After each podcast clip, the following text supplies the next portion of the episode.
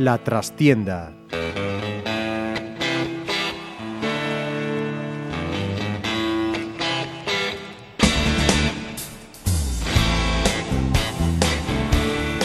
Saludos amigos, os habla Ramiro Espiño en nombre de todo el equipo. Comenzamos una nueva edición de La Trastienda en Pontevedra Viva Radio. Jugar como nunca o como pocas veces a domicilio y perder como casi siempre. Eso es lo que hizo el Pontevedra en Abegondo. Plantó cara al Fabril con una notable primera parte y una peor, aunque aceptable segunda.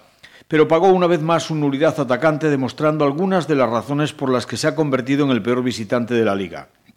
La situación de los granates empieza a ser angustiosa, casi desesperada, especialmente tras los resultados de sus rivales directos que les obligan a poco menos que un milagro para evitar un dramático descenso. Algunos se empeñan en que los medios de comunicación pidamos cabezas, olvidando que en este momento no queda otra opción que apoyar a los que están, pues son los únicos que pueden sacar al equipo del atolladero. Por eso no seremos nosotros al menos los que empecemos a disparar contra todo lo que se menee antes de que termine la liga. Oportunistas y pseudogranates de nuevo cuño que hagan lo que quieran, pero dando la cara, no amparados en un cobarde anonimato. Y si a alguno no le queda claro lo que pensamos y cómo pensamos, ya les anticipo que al menos para mí, aunque se consiga la permanencia, cosa que deseo fervientemente, la temporada en lo deportivo será un rotundo fracaso, algo de lo que deberán dar cuenta los responsables deportivos de hacer un equipo sin pies ni cabeza, gastando bastante más que la temporada anterior. Roberto Feans, Luismi, el que menos posiblemente ya que se encontró con lo opuesto, y el mismo Luisito, al que algunos pretenden santificar ahora, pero algo tendrá que ver con los fichajes realizados y las bajas concedidas, así como la mala planificación de un año que comenzó con una pretemporada de la que también tendríamos que hablar, pero eso será en el momento oportuno. Y si hay un equipo que puede estar orgulloso de su cantera, pues ese es el Cisne de balonmano. El balonmano ponteverés goza de buena salud en gran parte gracias al trabajo de clubs como el que preside Santi Picayo, que en este mes de marzo ha conseguido el Campeonato Gallego en infantiles y cadetes, así como el Subcampeonato de juveniles, y ahora apuntan a clasificarse para el Campeonato de España. Ya, ya están en ello. Jugadores como Álvaro Preciado, Bruno Vázquez, José Leiras o Dani Fernández ya alternan actuaciones en el primer equipo y son piezas que apuntan alto.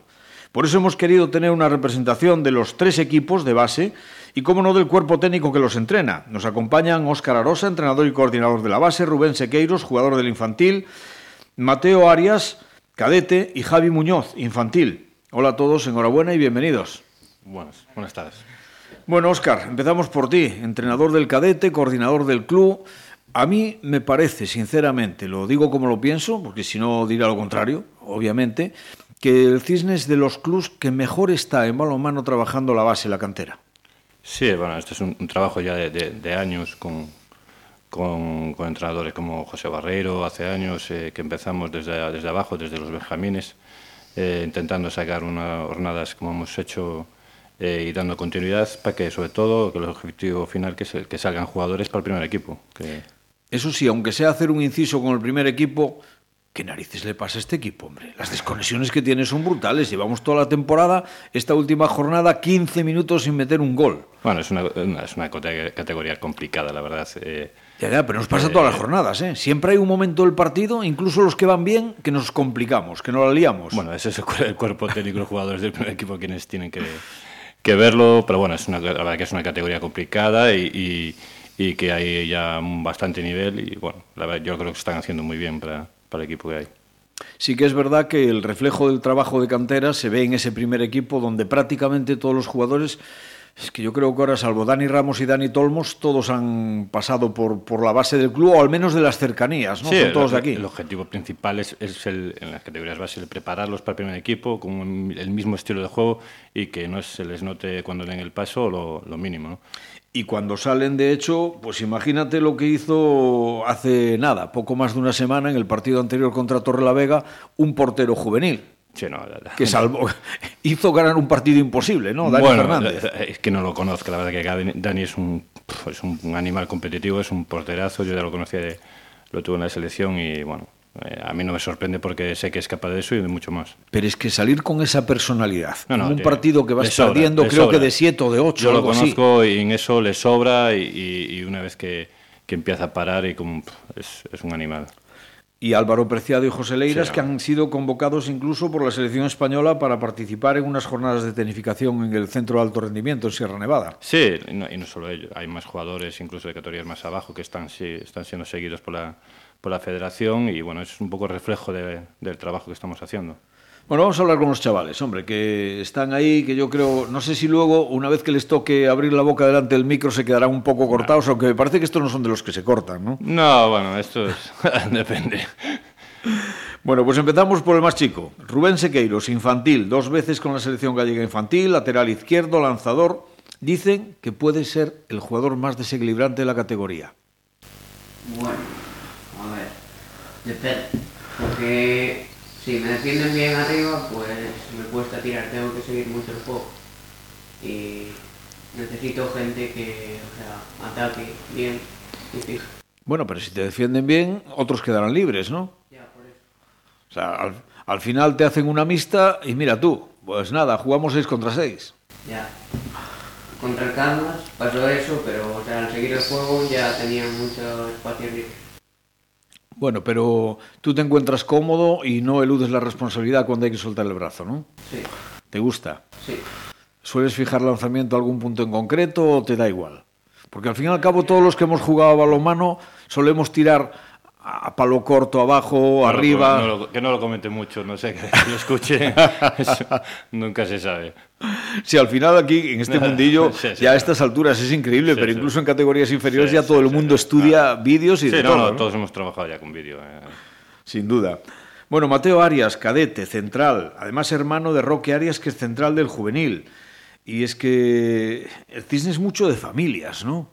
Sí, bueno, desde mi padre que me llevó por primera vez al club con cuatro años que empecé y sigo aquí ahora. Con cuatro añitos. Sí, Bueno, tu padre a todo esto, para el que no lo conozca, es Miguel Arias, que ha sido jugador del Cisne en base y del Teucro eh, a, a máximo nivel. Pero al final, por eso decía un poco lo de las familias, ¿no? Porque el Cisne es un poco como una familia, siempre ha sido de, de- seguir ahí todos. Pues ahí están los Chan, por ejemplo, padre e hijo, padre como técnico, hijo como jugador, etcétera, etcétera. Lo que pasa es que tú vas a tener un problema. A ver, a la hora de. En cuanto pasen un par de añitos y os encontré los dos hermanos, los dos jugando de centrales, a, a ver, habrá peleas en casa. sí, bueno. Depende, porque eh, yo también me puedo trasladar al extremo o, o jugar los dos así eh, al mismo. ¿Pero te vas al extremo porque él es mejor que tú o porque realmente te gusta jugar de extremo? A ver. A ver, porque me gusta jugar de extremo y eh, Esperamos, esperemos que pegue el cambio físico. a ver si, si- Sí, pero fíjate que eso, eh, Oscar, eh, yo creo que el, el tema físico en el balonmano, con ser importante, o sea, yo recuerdo, a ver, digo, mi experiencia personal, empezaba jugando de lateral con mi 1,80 escasito o justito, y a medida que iba subiendo categorías terminabas jugando de extremo porque no se entendía otra Bueno, cosa, ¿no? algo que nos pero hoy en día hay sí, sí. centrales pequeñitos No, no, y muy buenos es a decir, nivel internacional. eh, Mateo es un poco el reflejo de eso. Es decir, no, el físico no lo, no lo es todo a veces en el balonmano. Sobre todo, tiene una cabeza y una lectura de juego. Es que eso- eso es increíble. fundamental para el central, Un poco, un poco es lo que, en lo que trabajamos y, y se caracteriza, y, y nos lo comentan los otros entrenadores y clubs, que es la inteligencia en el juego que tenemos de to- todos, los- todos los jugadores que, que, que juegan en, en nuestros equipos, que leemos muy bien el juego, buscamos muy bien los espacios, y eso bueno, es una característica que, que, que nos, nos comentan todo, todo el mundo. Evidentemente un central tiene que buscar la dirección de juego, tiene que buscar hacer jugar al equipo, ¿no? Sí. Pero hombre, un central que de vez en cuando salpique, cuando no hay opción de pase a los laterales o aperturas a los extremos, buscar un dos contra uno Sí. es importantísimo, ¿no? Sí, sí, no, a ver, eh, lo hace, eh, la verdad que Mateo lo hace muy bien, también como Ro, que son jugadores que muy, muy, muy inteligentes, hered- heredaron la verdad que de eso del padre y saben en todo momento las acciones correctas que, que tienen que hacer. Bueno, y, y seguimos subiendo categorías. En este caso, Javi Muñoz, portero, en el club desde Benjamines, es quizá uno de los ejemplos de lo que es la cantera del Teucro, porque naciste en las escuelas del Cisne, ¿no? Has ido pasando desde Benjamines. Ya, ya, pero yo sigo en el piso, o sea, Sí, sí, lo sé, lo sé, lo sé. Claro. No, no, perdón. Eh, se me fue la pinza. Se me fue la pinza. Sí que sigues en el cisne. A lo mejor el Teucro te tiene echado el ojo, ¿eh? No. No cabe duda. no, pero sí, o sea, desde... O sea, lo de, lo de esa rivalidad cisne-teucro viene desde pequeños también con aquello de decir al otro lado del río, ¿no? El equipo del otro lado del río. Pero bueno, aún, aún así aún hay gente que del otro lado del río sí que viene a jugar al Disney. porque, o sea, les queda más a mano o tiene mejores horarios, depende cada uno de, de lo que... o de la familia, como tú bien comentabas antes, ¿no? Es que a lo mejor entrenar en el Centro Galego de Tecnificación es un poquito más cómodo, sobre todo en invierno, que no, no hay que eso, pasar el puente. También depende, depende de cómo te vaya a ti, ¿no? Pero sí, eh, desde pequeño, y, y, bueno, no siempre fui portero, empecé hasta infantil, desde segundo año era extremo. No me digas, ¿y ese paso? Porque de central a extremo lo entiendo, pero, pero de extremo a portero... Fue el padre de Mateo que, que me dijo de cambiar a portero. Porque ¿Te ha visto condiciones? Sí, porque mi hermano también había sido portero, entonces, pues bueno, y también había sido entrenado por el padre de Mateo. Nah, no te quería bien, no te quería bien, porque te dijo, mira, te meto ahí de portero, que ahí tienes a Dani Fernández y agárratelas con él. Nada, pero Dani vino este año y sí, es verdad que Dani es una, es una bestia y, y bueno, y cuando está, está ahí para mucho. No, no sé, no, es- no le pueden hacer frente los que le tiran. ¿Y mejor de portero o de extremo? Es que son sensaciones distintas. A ver, yo cuando, cuando jugaba siempre se ha dicho, los porteros están un poco locos. Porque eso de ponerse ahí ala y esperar ala, que me den en la cara, cuando entra sobre todo en penetraciones en 6 metros, y, y- ahí estáis vosotros, ¿no? No, sí, pero casi prefiero la verdad jugar de portero que de extremo. Eso sí, de extremo siempre le tendré cariño a esa posición. Pero, pero no, de portero sí es, es más cómodo en realidad. Al fin, al fin y al cabo, hombre, sí, cuando recibes balonazos y tal, pues bueno. Sin más, ¿no? Eh, tiras para adelante y, y bueno, y creo que al fin y al cabo el portero tiene más influencia en el resultado final del partido que un extremo. Aunque conste que ahora no se le puede tirar a la cara, pero Óscar, en nuestros tiempos, cuando un portero paraba demasiado, le ah, tirabas a propósito a la cara para que apartase, Y- y ¿no? Una vez que re- recibías, ahí empezabas a parar todas. Se, se calentaba, Sí, ¿no? sí, sí. Evidentemente. Bueno, que conste que ahora los porteros también, con el juego de siete en un momento determinado, ¿no? Se puede arriesgar, pues a lo mejor terminas haciendo portero extremo, en lugar de hacer cambio defensa-ataque o, o cambio cuando es necesario, ¿no? Del portero por un jugador de campo, dices, pues mira, ya lo tengo dentro. Sí, sí. Bueno, eso ya, ya, ya con el tiempo, ya cuando el año pasado Chicho no me dejaba subir, no sé por qué. Oscar no, no me quería dejar subir a tirarlas, pero bueno, O sea que te gustaba dejar la portería atrás y recordar tiempos, ¿no? Siempre, siempre es un punto a favor poder jugar en las dos áreas. Oye, este fin de semana habéis jugado tres partidos. eh, en disputa estaba la, la posibilidad de, bueno, la posibilidad no, el hecho de seguir adelante para optar a, a jugar el Campeonato de España. Lo habéis conseguido con tres victorias de tres. Sí, sí, eh, a ver, eran, sobre todo el último partido era Con el Novas, complicado, ¿eh? No con- No fue con el Novas, el, a 6 de Nadal, perfecto, sí. Puede Vigo eran tres partidos bueno, complicados, cada uno en su manera, y eh, sobre todo el último, que habían quedado terceros en liga y, y realmente tienen un equipo con dos laterales lanzadores muy, muy altos y, y que hacen muy bien las penetraciones largas, y, y se pudo sacar al final del partido con una gran actuación de todo el equipo.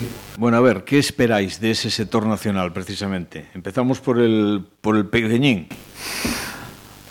Venga, eso. Rubén. Rubén. Yo espero, la verdad, que vayamos a por todos y intentar ganarlo, pero también que juegue, o sea, que vaya haciendo cambios y que juegue la mayoría del equipo. Acordaros que el Cisne tiene eh, como hito en su historia un cuarto puesto en un campeonato de España.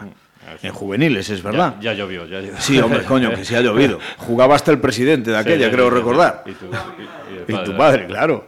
O sea, con Checho Vázquez Quinteiro, con, en fin, un montón. Jandro, Bueno, Toño, jugadores. Edín. Yo creo que este año, hombre, ojalá se repitiese eso, pero bueno, yo creo que hay, hay claro, los tres equipos, alguno puede llegar, llegar lejos ¿eh? en estos campeonatos. ¿Y los cadetes qué? ¿Dónde vamos a estar? ¿En qué... ¿Dónde fijáis la meta? Vamos a intentar pasar, lo vamos a dar todo para conseguirlo, pero lo importante es disfrutar más que nada y vamos a darlo todo para pasar, pero importante es divertirnos y eso. Los juveniles sí que a por todo, ¿no? Sí, los juveniles tienen más en la cabeza la, intentar entrar en la fase final, también depende de quién te toque ahora en el sector. Esos, esos ocho últimos, ¿no? Sí. Que es lo que todo el mundo queremos. Sí, a ver, mm, eh, está complicado, pero todo depende de qué equipos te toquen, ¿no?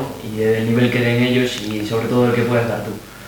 Fíjate, Óscar, que hace años pensar que un equipo de Pontevedra, un equipo de Galicia incluso, porque en definitiva durante mucho tiempo hablar de balonmano en Galicia era hablar de la provincia de Pontevedra, no había más. Ahora afortunadamente pues ya empieza en Coruña, algo, en fin, en otros sitios, pero obviamente sigue siendo lo fuerte, sigue siendo Pontevedra, ¿no? Eh, pensar que, que alguien, que un equipo de, de base se fuese a un sector y contase con estar entre los ocho mejores de España era poco menos que utópico, ¿no? De hecho, se sigue recordando esa gesta del cisne de cuartos Sí, de sí. España y de eso hace pues Bueno. como cuarenta y tantos años. No, no tanto. La verdad es que eh, últimamente en Galicia, a nivel de balonmano de base, está, está muy, muy buen nivel. Eh, ha habido equipos eh, que han estado entre los ocho finales. eh, El Carabellal mismo, que ha competido con nosotros este año, ha sido sexto de España hace dos años en categoría infantil. Y este año le hemos arrebatado un poco la- la- el protagonismo. Y eh, el 6 de Nadal, el año pasado en cadetes ha sido cuarto de España. Es decir, a- a- últimamente en categorías bases se está trabajando muy bien en Galicia a nivel, recordar, a nivel de selección. Hemos sido en juveniles plata eh, el año pasado y bronce este año. Es decir, eso quiere decir que el, el nivel está muy, muy alto.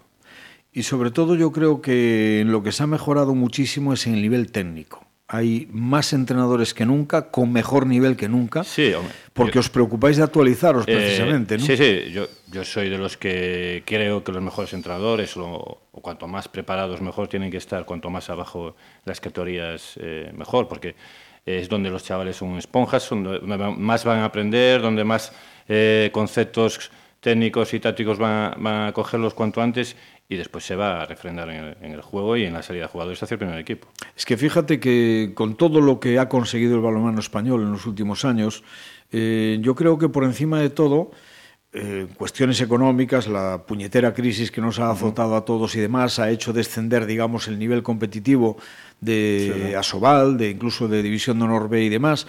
Pero sin embargo, los técnicos españoles están cotizadísimos, porque allí donde van triunfan y están reclamados Sí, de no. otras ligas. ¿no? Y, y en categorías, eh, tú ves la selección española juvenil, la, la junior, son, campeones del mundo, campeones de Europa. Es decir, el nivel no ha bajado, lo que hay que dar oportunidades a, a los chavales de, de progresar y, y- y de coger, coger protagonismo. La verdad es que, por un lado, es triste un poco que se vayan los jugadores afuera, y- pero por otro, también eso va a hacer crecer cuanto antes a, a- a los chavales que suben de arriba y, más, y más protagonismo en Asobal, en Plata. Es decir, antes sería utópico jugar tantos minutos, eh, chavales en- recién salidos a lo mejor de juvenil o de un primer año junior, jugar 40 minutos en categoría Asobal, pero hoy en día se da y, y bueno, hay que aprovecharse de eso también. Y además es que, bueno, cuando tú te encuentras en, en situaciones de, de juego que anteriormente, pues eso, salías a jugar contra un equipo de lo que se llamaba el este de Europa, ¿no? Sí, sí. Y decías, coño, parecíamos enanos Sí. a su lado. Y hoy en día en el aspecto físico no hay ninguna diferencia y tenemos Sí, no, jugadores bueno, que compiten. eh, sobre todo lo que se caracteriza, eh, caracteriza un poco el, el balonmano español es por la inteligencia eh, táctica, la inteligencia técnica. La técnica el- individual. La técnica individual es, es lo, que, lo que se valora, sobre todo la, la- la gente de afuera, los entrenadores. Yo lo he visto en el curso nacional, eh, un poco lo que te comentan en el curso, que, los, otros países eh, lo que nos valoran es la lectura de juego de los jugadores, que lo bien que lo leen y el, juego bonito que, que se hace desde, desde afuera. Hay escuela, evidentemente, y hay escuela de balonmano aquí en Pontevedra especialmente porque somos cuna, está claro, de ese deporte. Eh, pocas ciudades del tamaño de Pontevedra pues pueden presumir de tener dos clubes del nivel que tiene ahora mismo Pontevedra, uno en Asobal, otro en División de Honor B. O sea, eso es un auténtico lujazo, ¿no? Porque da pie, pues que, lógicamente, a que, que los chicos jóvenes quieran mirarse en ese espejo y quieran llegar. Sí, no, nosotros el reflejo se está viendo, ¿no? El, el nivel de que se está, viendo en los chavales y, y, y- y el trabajo, el, el- cuanto más jugadores y más niños haya jugando balonmano, tanto en el Teucro como en el Cisne, eso es bueno. Es decir, cuanto más, más niños eh, va, va, a ser bueno tanto para el Teucro como para el Cisne y van a salir muchos más jugadores eh, para los primeros equipos. Bueno, vamos a ver. Eh, objetivos individuales, en este caso ya, y así vamos, vamos cerrando. Rubén, no me digas jugar en el primer equipo del Cisne porque eso no me vale y lo doy por supuesto. A ver, yo quiero irme para fuera a jugar y el equipo que me gustaría sería el PSG. No, anda, anda, que no pica alto el niño, ¿eh? Tampoco te pedía tanto, tampoco te pedía tanto. Hombre, París es una ciudad maravillosa para vivir, está claro, pero bueno, el PSG, cuidado. Al petrodólar, ¿no? pero aquí en España, ¿cuál es el que te gusta? Eh, me gusta más el Ademar que el Barça. Pero... pero... por alguna razón, porque el Barça no tiene rival, evidentemente. Ese, ese compite aparte, ¿no? Por eso, porque ya tiene casi siempre la liga ganada. Bueno, y Mateo. Pues a mí siempre me gustaría jugar en cualquier equipo de Asobal o de Europa, pero eh, jugar en Cisne tampoco estaría mal, así en un futuro. En principio con llegar a Sobal para poder decirle a papá, ya no me tienes que enseñar nada. ¿eh? Ya he llegado como, como tú. O sea, yo en este aspecto recuerdo un jugador del Real Madrid de fútbol, eh, Manolo Sanchís, que su padre siempre le vacilaba porque él había ganado la Copa de Europa y Sanchís no. Cuando ganó por fin el hijo la Copa de Europa, llegó al padre y dijo, a partir de ahora te callas. ¿No? O sea, que más o menos. Sí, más o menos eso. ¿Os come mucho? Siempre hay un sueño adicional de jugar en Alemania, Francia o por ahí. Primero, primero llevar al cisne arriba. bueno, hombre, pero soñar es bonito. Sí, sí. Soñar es bonito, está claro. Y bueno, Javi. A ver. Tú ya estás más cerca de tener que decidir, ¿no? Sí, pero lo mejor realmente sería pues eh, jugar en el Cisne y que hacer que ese equipo, o sea, el Cisne ascendiese a Sobal sería lo mejor de todo, ¿no? Sobre todo porque sería un incremento en el presupuesto del Disney, podría invertir, invertir aún más en la, can, en la cantera. A Santi Picayo lo volvéis loco. Si el Cisne sube a Sobal, dice, Dios mío, a ver de dónde voy a sacar más dinero yo. Sí, sí. Que ya no puedo más. Y el patrocinio llega más fácil. sí, pero me imagino con lo que vive el presidente, los partidos allí en aquella esquinita del, Sí, sí. del Estadio de la Juventud. El, el marrón lo tiene ahora para- con los tres equipos. Ahora, cómo- Sí, cómo a ver ahora, esto. ¿no? Hay, hay que sacar, esto. hay que sacar sponsors para, para los viajes. y el- Esperemos que sí, los chavales han cumplido y la verdad que se lo merecen y es un premio muy grande. Hombre, sí, sería una pena. Mira, es otra de las cosas en las que también se ha ganado mucho, creo que en el balomano gallego y en el balomano pontevedrés mm, concretamente, que antes, eh, cada vez que un equipo se clasificaba para un sector, para su directiva era un problema. Sí. Y gordo, ¿no? Entonces, bueno, pues os lo habéis merecido y de verdad, seguir trabajando individualmente así, seguir trabajando en lo colectivo como lo estáis haciendo. Y bueno, pues Óscar, coordinando un club como el Cisne, yo creo que uno se puede sentir satisfecho de cómo sale el trabajo, ¿no? Sí, lo importante es que esto- estos chavales, que es una representación un poco de, de todo el mundo, que, que lleguen al primer equipo, que es lo importante, como hemos hecho otros ¿no? desde pequeñitos, hemos mirado los partidos de primer equipo y hemos llegado a él y esperamos que cuantos más jugadores lleguen al primer equipo, lo lleven más arriba, pues mejor. Ahora que no nos escuchan ellos, ¿a quién les ves a un futuro más inmediato con opciones de asentarse ya definitivamente en el primer equipo? En el categoría juvenil, pues hombre, ahí la verdad que es un, es, un- es, es una generación que tiene muchísimos jugadores que deberían ya estar a, a corto, corto plazo, medio, en primer equipo. La verdad que tienen un nivel muy, muy alto y yo creo que van a llegar, y, y tengo esa confianza que va a llegar muy lejos en el Campeonato de España. Pues de verdad que deseamos que así sea, porque a todo esto, no sé si lo sabéis, pero os lo digo yo aquí ya, eh, este que está hablando con vosotros, después de dejar el balonmano en activo, la- los primeros pinitos, digamos, informativos que hizo, los hizo en el diario de Pontevedra escribiendo las crónicas del cisne.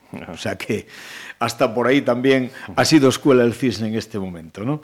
Muchísimas gracias, mucha suerte a todos, de verdad, y bueno, pues que, que se cumplan todos vuestros objetivos, incluso los del llegar al PSG. Y a vosotros que nos escucháis os dejamos con nuestra habitual despedida musical. No necesita más presentación, son los, los míticos Dire Streets con su túnel del amor, Tunnel of Love. Como siempre, que lo disfrutéis. Hasta la próxima semana. Muchas gracias por escucharnos.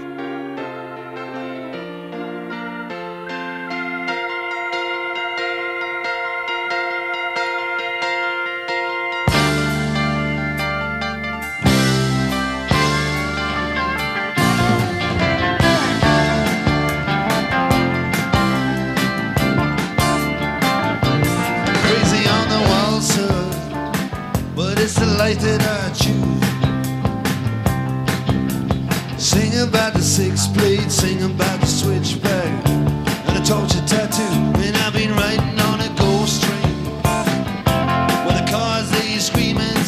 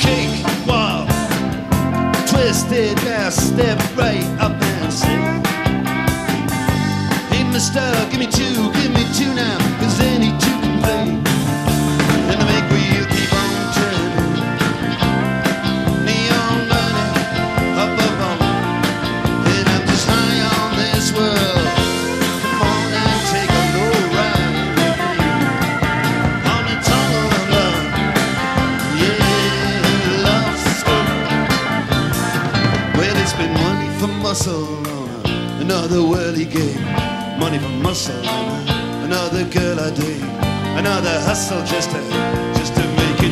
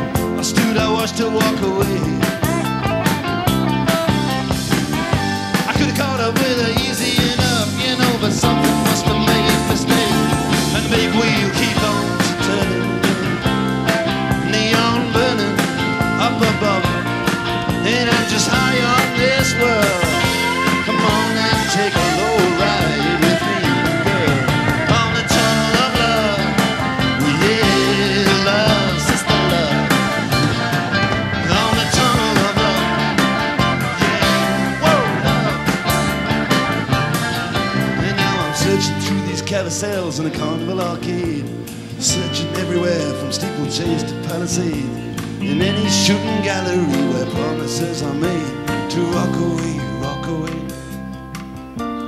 rock away, rock away from color coats and Whitley Bay, out to rock away. And Gertie looks so pretty to me, like it always like the Spanish city.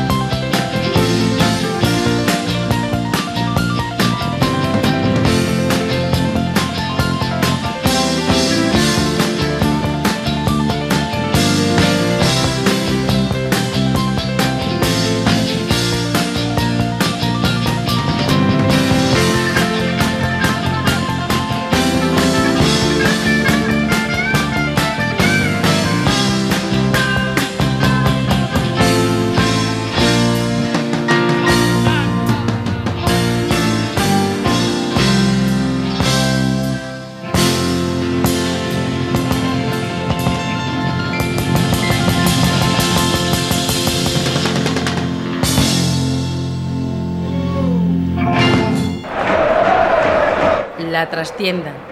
Pontevedra Viva Radio.